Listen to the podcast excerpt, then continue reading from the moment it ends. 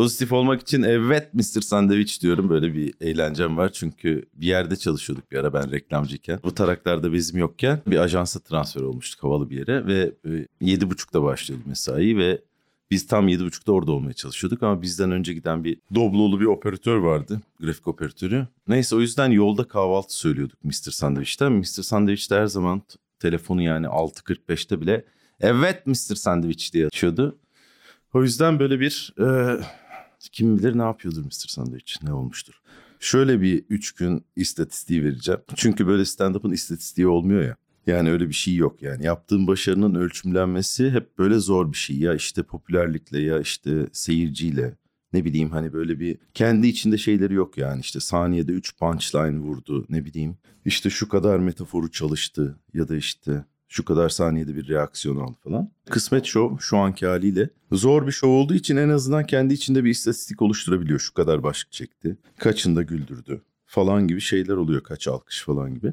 Dolayısıyla böyle bir istatistik oluşuyor. Çünkü bu benim sporda hep kıskandığım bir şey. Bazen çok düşüldüğünde oyundan uzaklaştırıyor gibi geliyor ama bu işte Alperen'imiz şaklatıyor ya şu aralar NBA'de. Ve böyle hep istatistik paylaşılıyor tabii. Ben de biraz daha böyle nerd şeylere bakıyorum. Artık çok daha ince işte oyuna katkısı sırasında sağa bakması falan gibi istatistikler var. Ama yine de ölçümlenebilmesi güzel. Bu Allen da hatta Oscar'a gitmediğinde böyle bir şey söylemiş. Hmm, demiş ki yani ölçümlenebilen bir şey olduğunu düşünmüyorum falan gibi. Yani bir 100 metre yarış olsa onu anlarım da yani bu öyle bir şey değil falan gibi. Bu arada telefonu sessiz alayım ki olay konu kapansın. Ya da konu kapanmasın. Hep telefonda kapanıyor. Evet. Yeni telefonum. Ayrı bir hikayesi var. Onu da parantez açmak istiyorum. Çünkü eski telefonumun hikayesi çok iyi. Özellikle kısa anlatıldığında şöyle ki denize düştü ve ben de peşinden gidip aldım gibi. Yani mesela bunu hayal etmesi benim anlatmamdan daha iyi olacaktır. Bence deneyin yani nasıl denize düşmüş olabilir. Ben nasıl peşinden gidip geri almış olabilirim. Ee, şey istatistikteydik. Bunu şu yüzden anlatıyorum. Benden böyle bir Alperen bölüm mü yapsam falan gibi istekleri oluyor. Bir kişinin çok isteği oluyor. Çok kişinin birer isteği değil de. Ben de böyle düşündüm. Öyle bir bölüm bir yandan yapmak istemiyorum. Çünkü iyi gidiyor. Biraz Alperen'le ilgilenmeyebileceğim kadar iyi gidiyor. Yani bir süre belli ki iyi gidecek. Hem de böyle sürekli her şeyini alkışlamayalım falan gibi bir kafaya da girdim. Kesin ne bileyim All Star'a kadar hani bir sonraki tezahüratı tutayım falan gibi. Ve böyle bu istatistikler üzerine düşünüyordum. Çünkü son 3 günün güzel bir istatistiği oldu. Ee, ve ben bu bölümü aslında çekmeye o 3 günün ilk sabahında başladım. Ve şöyle bir maraton. O gün kısmet show var. Çekiyoruz. Ertesi gün tek kişilik var. Pazar günü de hem tek kişilik var üstüne kısmet var. Ve ben kısmetleri açıyorum, kapıyorum. Zaten çekiliyor. Arada röportaj çekiyoruz. Böyle bir durum. Biletler satılmış falan her şey sold out. Kısmet show için bir başarı ondan sonra. Burada bir tık es koyalım mı? İzlediler ve böyle eski günler böyle bir şey bir şeyler anlatmaya başladı ama şöyle bir yelpazeden bahsediyorum yani. Ee, abi Lego'nun o klasiklerinin yenisi çıkmış falan gibi. Hani bir naif ve legocu, nerd, teenage bir yerden. Öbür tarafta da diyor ki işte burundan Xanax kesin alma falan. Diyorum ki oğlum ben hayatımda Xanax almadım yani. Burundan Xanax niye alayım anladın mı? Ondan sonra ve böyle e, gittikçe sertleşen hikayeler. İşte atıyorum böyle blackout geceleri hatırlanmayan, çok içilen, kullanılan falan. Ondan sonra sabah ne bileyim yok kafasını vurmuş kanlı bir artık yani duymak istemediğim bir tane daha salak bir hikaye yani. Tam da ben de böyle bir yetişkinliğe geçiş falan üzerine düşündüğüm bir kafadayım yani bir süredir. Ve bunun hani artık nasıl bir hayat yaşanıyor anladın mı? Yani her dönemin bir şey oluyor ya. Bir takılma şekli oluyor, bir akma şekli, kokma şekli oluyor. Neyse yani. Dolayısıyla böyle bir şey oldum.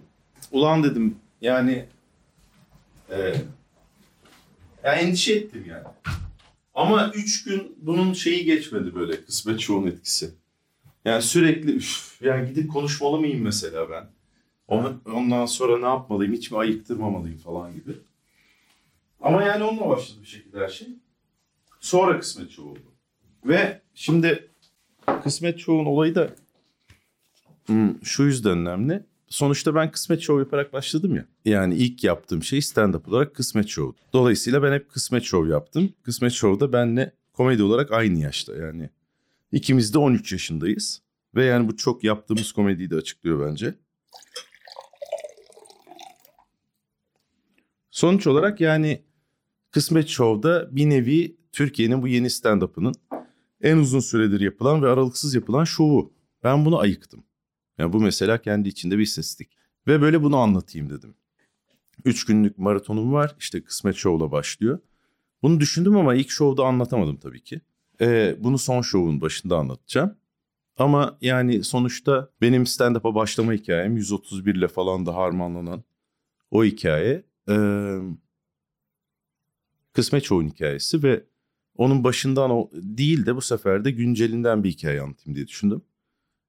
Sonuçta böyle bir maraton başlıyor ve bunun bir istatistiği oldu. Son 3 günün istatistiği de şu. 186 dakika stand-up yapıldı toplamda. 500'e yakın kişiye ve 52 dakikası kısmet şovdu. Şimdi hmm, toplamda kısmet şovda 60'a yakın başlık anlatmış olabilirim. Ve son şovda 30 dakika yapmışım. Bir noktada fanusu döküp bitirene kadar yapacağım gibi bir kafaya girdim. Bittince de indim. Ben ama 30 dakika sürdüğünü fark etmemiştim. Her başladı bir şey sıkmışım öyle diyorlar. Daha görüntüleri izlemedim. Ama yani bu istatistikler bu. Alperen anlatırken ben kendi istatistiğimi bulmaya çalıştım falan gibi bir şey oldu. E, bunu bu arada başka komedyenler de söyleyebilir. Mesela Engin'in de istatistiği yüksek. E, bu dört günde onun da e, bir komedi işi vardı. Yani kat etmesi gereken iki tane kısmet show vardı. O arada Cem Yılmaz cephesiyle ilgilendi. Ee, o yüzden onun da yani hem 300'e orada 500'le giderek falan gibi. Top speed'i yüksek bir insan Engin. Yani size'ına göre özellikle. Ee, bu da Engin'le ilgili bir istatistik olabilir. Ve böyle bir e, temponun ilk şovu Çağlar'ın mekanında çekilecek. Çağlar Çorumlu'nun. Çağlar'la aynı yaştayız. Ona aslında Çağlar diyebiliyorum ama insanların önünde Çağlar abi demem gerekiyormuş gibi oluyor. Ben kendim öyle bir bir yandan da abi gibi bir insan abi de. O yüzden abi de. Ee, ve e, onun mekanında çekilecek çok güzel mekan. Çok oyuncaklı bir yer. Tertemiz bir yer. Böyle bir kafası var. Yani şu, şu manada söylüyorum. Bir kere cart diye girdiğim mekan değil. Orada öyle bir yer mi var, var acaba? Hani mesela Vatan Kompüter binasının oradan gidiyorsun abi gibi olduğu için. Ama böyle bir pasaja açılıyor. Pasajdan giriliyor. Karşısında bir kahvehane var. Hmm, kahvehanenin açıldığı yerde yani o koridorun öbür ucunda da bir pavyon var. Ve böyle çok güzel mekan. Yani hemen böyle bir film sinematografik olabilen bir yer. Arkadaki işte kulisleri de öyle. Biz de orada bir şey çekeceğimiz için onun da heyecanı içindeyiz. Ve benim ım, organizasyonu son dakikama son dakikaya bırakmama sebep olan bir takım şeyler oldu. Bu da işte telefonun denize düşmesiyle alakalı aslında. Çünkü telefon denize düştü pazar günü. İptal oldu işte götürdük tabii ki olamıyor falan dediler. Bir yandan da oluyormuş.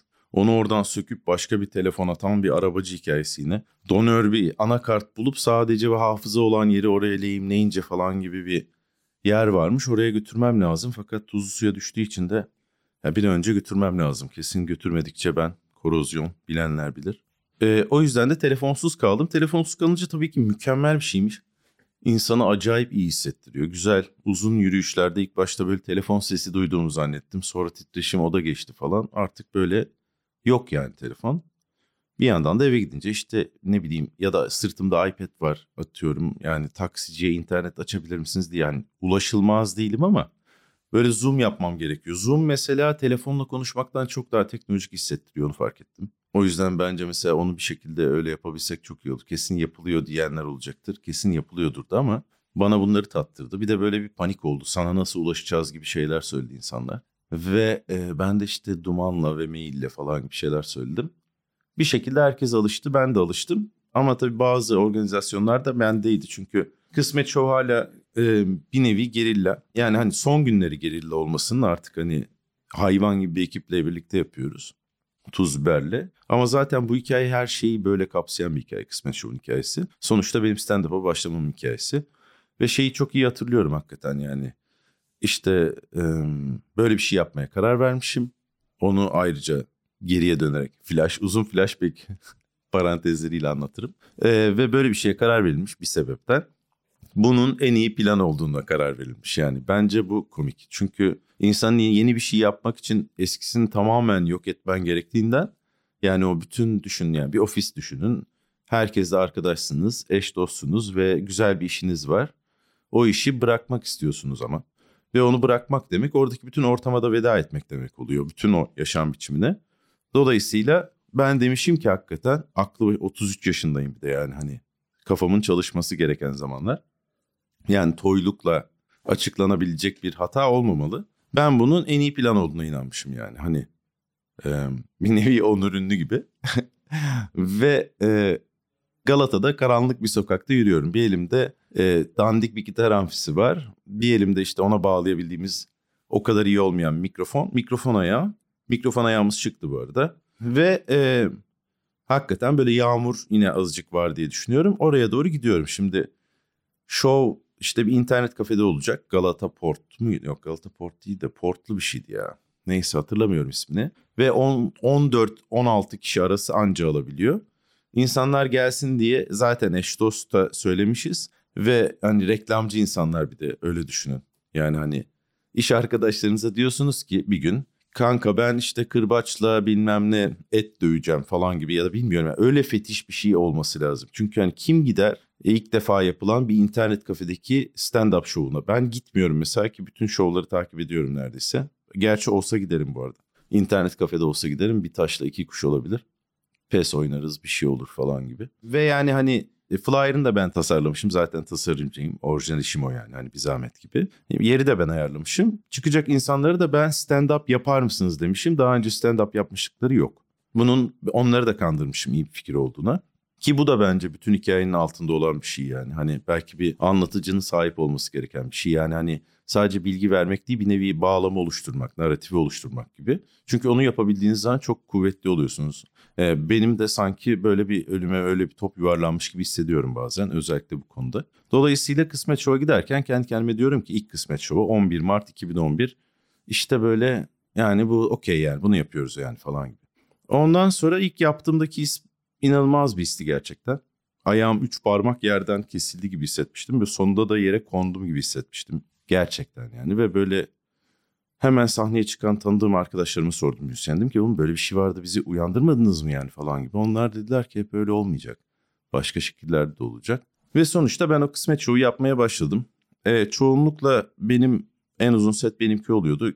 Son ben yapıyordum kapanışı ki hani gece tatlı bitsin diye. Nispeten bizim ekipte en iyi yapan bendim o zaman. Öyle düşünüyorum en azından. Geceyi kurtarabilecek kabiliyetteyim. Dolayısıyla ben sürekli işte ne bileyim 20 dakika bok olduğunu ve nasıl sıçıldığını anlatan bir adam. Ondan sonra bebek ölümlerinden bahseden başka bir adam ve bilmemden bahseden bir kadından sonra çıkıp 40 dakika seyirci her şeyi unutturmaya çalışıyordum falan. Ve insanlar da geliyorlardı. Çok garip yerlerde çıkıyorduk. Yani böyle e, hani şimdi mesela söylediğimiz mekanın ismi mutlaka biliniyor gibi. Eskiden şey demek gerekiyor. Şöyle bir yer var ya. İşte onun arkasında bir yer var. İşte orada bir şey var falan gibi. Varmış yere gelindi, vardı yere gelindi falan. Sonra artık mekanlar bilinen yerler olmaya başladı. Ve o ilk gelen insanlar da dediğim gibi çok niş bir şey izlemeye geliyorlardı. O yüzden de garip insanlar oluyorlardı. Gerçekten ilk kez internet kafede bir şovu izlemeye insan tanıdık değilse niye gider? Yani gerçek seyirciniz oraya böyle bir şey varmış diye görüp gelen insan. Onlar hep garip insanlardı. Ve e, sonuçta bir, ben kısmet şovu yapmaya devam ettim. Bir noktada kısmet şov sadece hani insanlar komedi yapsın diye olan bir şeydi. Herkese açık bir komedi kulübüydü e, lakabı yani sloganı da. Ve beni sürekli komedyen, komediye başlamak isteyen insanlar arıyordu. Ben de onlardan bir videoya da ses kaydı istiyordum. Çok garip videolar geliyordu. Ama çok güzel videolar da geliyordu. Mesela Yavuz'un yaptığı, mutfağında çektiği video, ilk video. Sonra yani şunu söyleyeceğim uzatmayayım. Bunu şey diye anlatmıyorum aslında. Kısmet Show çok zor yerlerden geldi falan gibi bir şey değil. Aslında şunun için anlatıyorum. Eskiden yani ben başladığım zaman stand-up yapmaya karar vermek, stand-up yapmak istemek bunların hepsini organize etmeyi gerektiriyordu. Ve kendi içinde zorlukları vardı ama kendi içinde kolaylıkları da vardı. o bağlamı belki siz oluşturabildiğiniz için. Şimdi belki çok daha kolay birinin stand-up'a başlaması ama bunun da kesin bambaşka zorlukları vardır. Mesela ben şimdi başlayabilir miydim bilmiyorum açıkçası. Öyle bir karar verebilir miydim? Böyle bir imaj varken etrafında. Bunu da iyi ya da kötü bir imaj olarak söylemiyorum da bir imaj bolluğu, bir bilgi yoğunluğu. Artık tek başına bir şey gibi değil. Ve e, bu üç şovun son şovu da Kısmet Şov'un şimdiye kadar yaptığı en büyük şovdu. Ve ben onun başında bu size anlattığım şeyi anlatmaya karar verdim. Ee, birazcık böyle aslında ben kendimi yeni idrak ettiğim için bu şekilde anlatmaya karar verdim. Çünkü e, hep bunu biliyordum da bugüne sakladığım gibi bir şey de değil. Bunun böyle olduğunu da hep düşünüyor da değildim. Fakat şunu fark ettim yani e, son 10 yılda komedi adına beğendiğiniz belki ilk 30 kişi, e, bu alanda uğraşan belki en tepedeki birkaç kişi. Yani bu böyle piramit olduğundan bahsetmiyorum da etki gücü yapabildiklerinden bahsediyorum. E, onları bir listeye koysanız ve parmağınızı herhangi bir yere koysanız e, o insan yüksek ihtimalle %99.9 Kısmet Show'da çıkmıştır. Çoğunun kariyerini başlatan show'dur. Ve bu mükemmel bir şey. Çünkü ben hmm, yani ben komik arkadaşlar, oyun arkadaşları arıyordum gibi bir şey bu aslında. Yani en çocuksu haliyle. Dolayısıyla Kısmet Show buna yol açtıysa ya da bunun olmasına sebep olduysa ya da bunun olma olurken olanlardan birisi bir şeyse bile e, sonuçta bir sürü arkadaşım olmuş oldu ve e, yani hani bu sevdiğim şeyi sporu komedi sporunu onlarla yapabiliyorum ve insanlar katılabiliyorlar bu sporla ilgilenmek isteyenler. Bu böyle bizim MMA'imiz gibi bir şey. Kısmet Show'da MMA'in içindeki en işte UFC olan show. Ee, insanlar deniyorlar, yapmaya çalışıyorlar. Artık e, komedyen üretmek için Kısmet Show'a ihtiyaç olmadığında Kısmet Show'da komedinin içinde kendi başka bir sertliğe işte bir başlık çekip aynı anda o anda anlatmaya evrildi. Ee, ve ilk başta buna sadece zor deniyordu. Şimdi insanlar onun e, insanı geliştirdiğini anlamaya başladılar. Biz daha çok yapmaya başladık. Her salı oluyor zaten Aylak'ta. Üstüne ay sonu iki show olacak. Ve gelenler de böyle e, bazen esprileri çalışmasa bile iyi espriler olduğunu, bazen orada bizzat dakika ürediğini. Mesela İsmail'in Türksev'in Cuma günkü şovunda, ilk şovunda bayağı böyle saydım. 3, 5, 7,5 diye dakikalarını yani resmen materyaline dakika üretiyor gibiydi. Ee, sonra ince de sordum. O da aynı sevinci yaşamış. Bir komedyenin en sevindiği anlardan biridir çünkü. Galiba 5 dakika buldum, bir 10 dakika buldum diye. Dünyanın her yerinde. Ve bir yandan da bu komedyenleri daha da iyi bir komedi ekibi haline getirecekse bizim UFC'mizi daha da hani e, sağlam hale getirecekse insanlar da buna uyandığı zaman oluyor bu. Ve biz onlarla komedi alanında ya da komedi evreninde e, arkadaş olabiliyoruz. Bir şeyler paylaşabiliyoruz. Bu mesela beni çok mutlu eden bir şey. Ve bunun olmasına sebep olan şey de aslında e, ilk günden beri gelen seyirciler. E, ben de bunu söylemeye karar verdim işte o son şovun başında.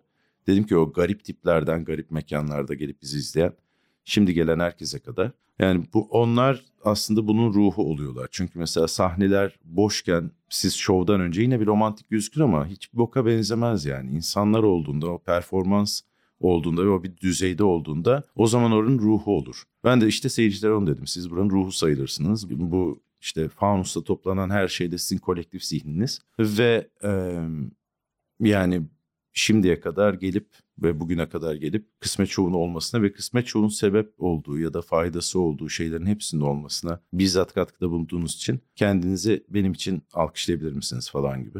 Benden bir alkış istiyorum size, sizlere falan gibi. Daha güzel söylediğime inanıyorum. Ama bu kadar ayrıntılı da anlatmadığıma da inanıyorum. Öyle bir başlangıç yapayım dedim. Hem izleyenler hem çıkacaklar. Hem böyle bir herkes akıllı olsun şekli olsun istedim gerçekten. Çünkü e, bir yandan da Kısmet Show'da öyleyse öyle yani yapabileceğim bir şey yok.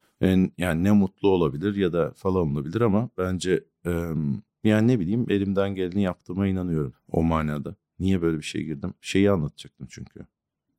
İstatistiklerin oluşmasını anlatacaktım. Yine bir kısa ara verebiliriz belki telefona düşmek zorunda kaldım çünkü bir sürü mesaj gelmiş. Kısmet şovların dökümleri gelmiş falan gibi şeyler. Tam onlardan bahsederken.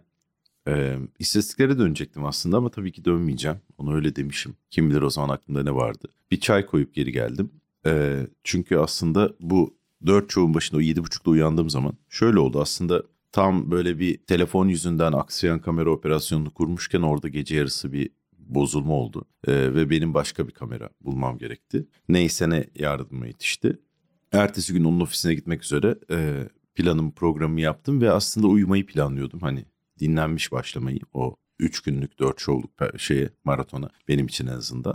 Fakat böyle erken kalktım çünkü çok fazla rüya gördüm. Telefonsuzluktan mıdır nedir bilmiyorum. O hafta boyunca da gördüm. En son artık uzun bir rüyanın sonunda şöyle bir yerde uyandım. Bir yerden bir yere yürüyoruz tamam? Bir mekandan bize ait bir yerden ormanlık içinde. Ama gittiğimiz yere e, son lokasyon olarak mı gidiyoruz yoksa gidip geri mi döneceğiz belli değil. Öyle bir yere gidiyoruz. Ben biraz öndeyim. Arkadakileri tanıyorum yani. Biraz daha yaklaşsam ya da biraz önce tanıyordum. Şu anda böyle biraz daha tanıdık, aşina geliyorlar sadece. Ee, ve e, bir atlar geliyor Ben de attan tırsarım yani büyük adı falan karşıdan geliyorsa bir şekilde e, bir kere bindim hayatımda ve tırsılacak bir hayvan. Fakat mükemmel bir hayvan bu arada. Neyse bunlar o kadar iri atlar da değiller. Geliyorlar ben de bir rüyam diyorum ki ya bu sefer tırsmayayım. Onlar da bu sefer ben tırsmayınca inadına bana iş olmaya geliyorlar. Böyle bir brüşler falan yapılıyor koluma falan. Neyse bunlar gidiyor. Ben rahatsız olmamış ve bu interaksiyonu başarıyla atlatmış olmanın gururuyla birkaç adım daha atarken böyle dizim boyu otların arasında. E, bu sefer koyunlar geliyor. Çok İngiliz tipli koyunlar. Bu İngiliz koyunları var ya siyahlı bilmem ne daha. Bir şekilde heriflerin koyunu bile daha takım elbiseli gibi duruyor ya o koyunlardan. Onlar da iş oluyor. Sonra bilmem sonra anlıyorum ki iki kişi var bunları gezdiriyorlar ya bunlar sirk mi gezdiriyor falan diyorum yani daha kaç tane hayvan gelecek gibilerinden. Orada uyandım ve böyle bir şey yapmam lazım. Aslında kısmetin afişlerini yapmam gerekiyordu Şubat ayı için. Dedim ki ya uyanır uyanmaz kısmetle başlama yani bu kadar da şey olmasın gibi. Ne yapacağıma karar veremedim. Ee, bir kayıt mı alayım dedim onu da yapmayayım dedim. Ondan sonra ve şüpheye düştüğünde çay demle gibi bir mottom var bazen. Çay demledim hakikaten. Çay olurken bir tane ses kaydı aldım. Ee, o geleceğe not gibi olan. Fakat yayınlanacak gibi değil yani. Çok uykudan uyanmışım bilmem ne. Zaten cep telefonunun ses kaydını bulamadığım için yeni cep telefonunun e, kamerayla çektim. Belki sadece görüntüsünü Reels'e kullanırım. O çay demlemek bana iyi geldi. E, onun gazıyla gittim kamerayı almaya Caner'lere. Orada bir tane daha kayıt aldım. Bu sefer de Caner'lerin ofisi tam eski evimin karşısında olduğu için eski evi çektim. Sabit bir açıda e, ve üstüne konuştum. Yine kendime not gibi. Ve şunun heyecanı içindeyim o anda. Bu arada eski evimde boşmuş. E, şu anda kimse oturmuyormuş. Yani ya da tam bir geçiş döneminde olabilir. Ee, şunu çektim. Şimdi bu telefonla ilgili bir parantez daha açmak istiyorum. İnsanlar ben telefonum yokken telefonun olmadığını ya da denize düştüğünü bilmeyenler mesajlarına cevap verilmeyince bir takım triplere girmişler. Yakın arkadaşlarım da tek tık olduğum için çok endişe etmişler ve buna çok güldüm. Çünkü hani eskiden belki birini görüp işte yüzün çok solgun gözüküyor. Ne oldu abi niye bu kadar kilo verdin gibi şeylere endişe ederken. Şimdi en çok endişe edeceğimiz şeyin tek tık olmasına aşırı güldüm yani. Böyle tek tıksın iyi misin falan gibi. Ee, böyle bir şey var artık yani hani nabız atması gibi bir şey tek tık. Ve e, yani hani nabız atmayınca yapılanlar belli tek tık atmayınca tek tık kalınca yapılanlar belli değil gibi. O bana bunların hepsi bana komik gelebilecek şeyler. Ee, ve bu o yüzden de bu yeni telefona da böyle bir alışma süreci yaşıyorum. Zaten bir milyon tane video izledim. Beynim bitti gerçekten. Bu böyle ya alırsam diye izlemeye başladım belki bir sene önce ve böyle bir sürü teknoloji kanalına düştüm. Sonra bunlar reklam mı yapıyor dedim böyle biz reklam yapmıyoruz diyen kanalları izledim. Onlar da sanki öbür markanın reklamını yapıyor gibilerdi. Hintliler mi izlemedim, altyazıyla Ruslar mı izlemedim ve böyle telefon buluyorum o telefon Türkiye'de satılmıyormuş. Başka buluyorum yok pazardan çekilmiş. Ona gidiyorum bitti falan gibi. İnanılmaz bir telefonum var belki sponsor olurlarsa diye çok isimlerini zikretmek istemiyorum ama gün doğumu ışıltısı adı altında rengi olan ve rengi olmayan sürekli değişen bir rengi olan bir telefonum var. Aşırı havalı. Bir arkadaşım annenin telefonunu kullanıyormuşsun gibi gözüküyor. O yüzden de zengin gözüküyor dedi. Ee, vallahi kabul edebilirim ama Android ve markası da ünlü değil.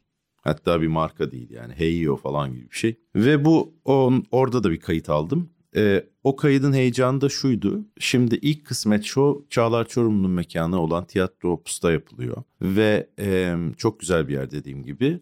Akşamki konuklar arasında Uraz var. Uraz geleceği için Cem Yılmaz gelebilir gibi bir şey benim içime doğdu tamam mı? Ya gelirse diye. Çünkü benim kariyerimde hiç karşılaşmadığım yolumuzun kesişmediği birisi.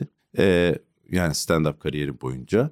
Ve hep özellikle BKM'deki şovlarda arada bir Cem Yılmaz gelecek denirdi tamam mı? Ben de gelirse diye bir açılış yapmaya karar verdim ve açılışta da bundan bahsetmeyi. Yani yıllardır bana Cem Yılmaz gelecek deniyor. Ve ben bir gün BKM'deki şovlardan birinde yine Cem Yılmaz gelebilir denince dedim ki abi Cem Yılmaz gelebilir demeyelim çünkü gelmiyor Cem Yılmaz. O yüzden de e, yani böyle demeye gerek yok gibi bir şey söyledim. Adam da üzüldü biraz. Dedi ki öyle diyorsun abi bir gün gerçekten gelecek dedi. Bu benim mesela benim için çok komik bir şey. Dolayısıyla Godoy'u beklerken ya da Gıdı'yı beklerken gibi bir şey oldu. Açılışımda böyle de demeyi planlıyordum. Çünkü açılış öyle bir şey ki yani hani hem e, gömmem hem övmem lazım gibi bir şey ya. Bir yandan övmek de istiyorum gerçekten çünkü yani hani insan göz bebeğimiz olan insanlar var. Onlara bir şekilde iyi davranmak gerekiyor ama çok da iyi davranmamak gerekiyor onların sağlığı açısından. Bu yüzden tough love diyebileceğimiz, sert sevgi diye çevirebileceğimiz bir yöntemi ben yaşlısında gencinde deniyorum. Ee, bu onu da anlatmayı planlıyordum tough love'ı. e, sert sevgi diye anlatmayı planlıyordum. Kendisi konuyu başka bir yere çekebilir diye. Ve açılışımda da bundan bahsetmeyi planlıyordum. Godoy'u beklerken de Gıdı'yı beklerken gibi oldu. Ama bizim yolumuz Cem Yılmaz aslında bir kere kesişti. O da şöyle, e, o zaman ben Marmara Üniversitesi'nde okuyorum. İkinci sınıftayım herhalde okulda olduğuma göre. E, yani çalışmadığıma göre ve şey... E, Cem Yılmaz bizim okulun salonunda bir gösteri yapmaya geldi. Salonda 15 kişiyiz belki 16 kişiyiz yani öyle bir kalabalık. Ve e, salon dediğim yerde bir auditorium gibi konser salonu gibi havalı bir yer değil.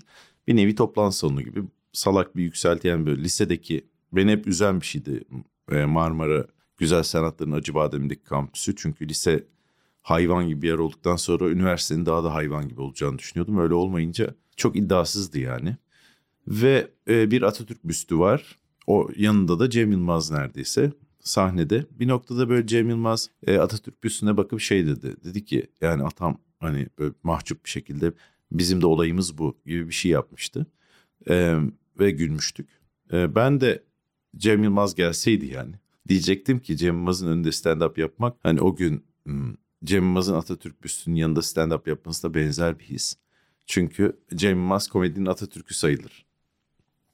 Ama daha bencil bir Atatürk diyecektim. Yani hani harf devrimi yapmıyor da sadece kendi kullanıyor. Şapkayı kendi takıyor falan gibi. Hatta böyle bir Cem Yılmaz vari Atatürk e, yapmayı planlıyordum taklit olarak hibrit bir taklit. E, ve e, yani bir yandan da öyle hakikaten.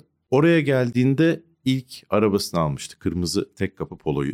E, daha sonra bir sürü arabası oldu biliyorsunuz. Hatta böyle komedyenlerin bir şeyleri veriliyor ya böyle Dümbüllü'nün kavuğu verildi uzun süre. Bir noktada çorabı falan da verildi bu arada. Yani Dümbüllü'nün bütün gardıroba dolap çöktü falan gibi bir şey oldu. Ee, öyle bir şey verilecek olsa Cem Yılmaz'ın e, bence Ferrari'si verilmesi lazım. Bir sonraki komedyene. Ve o Ferrari'nin de e, bir tek sadece yani kullanırken Cem Yılmaz varken e, sürücü koltuğuna oturabiliyorsun gibi de bir esprim vardı açılışta yapsaydım. Eee ama gerçekten o polo ve o hali e, yeni başladığı hali şöyle bir teklifte bulunmuştu e, şovdan sonra. Demiştik ben Bursa'ya şova gidiyorum. Gelmek isteyen var mı?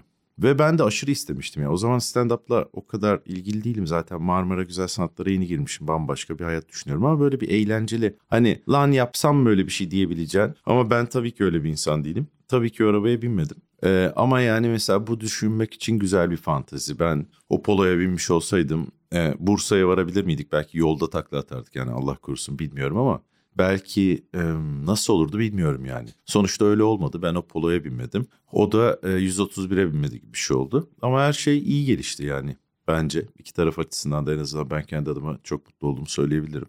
E, şimdi böyle bir tehlike oluşmaya başladı. O gün gelmedi. Ben bu hazırladığım şakaları yapamadım. Şey de planlıyordum. Sonunda şey demeyi planlıyordum. O anlat, anlatacağım şeyin sonunda belki gelir anlatırım. Ee, işte hazırlıksız yakalandık kısmet Show'da Cem Yılmaz'ın gelişine. Onun geleceğini bilseydik Sik'le ilgili şakalarınız için ayrı baş, ayrı bir fanus olurdu.